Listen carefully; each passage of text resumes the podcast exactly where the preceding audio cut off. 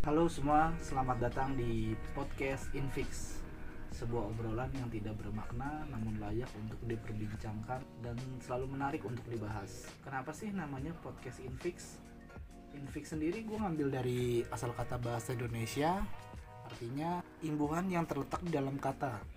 Jenis imbuhan ini tidak produktif. Artinya pemakaiannya terbatas hanya pada kata-kata tertentu.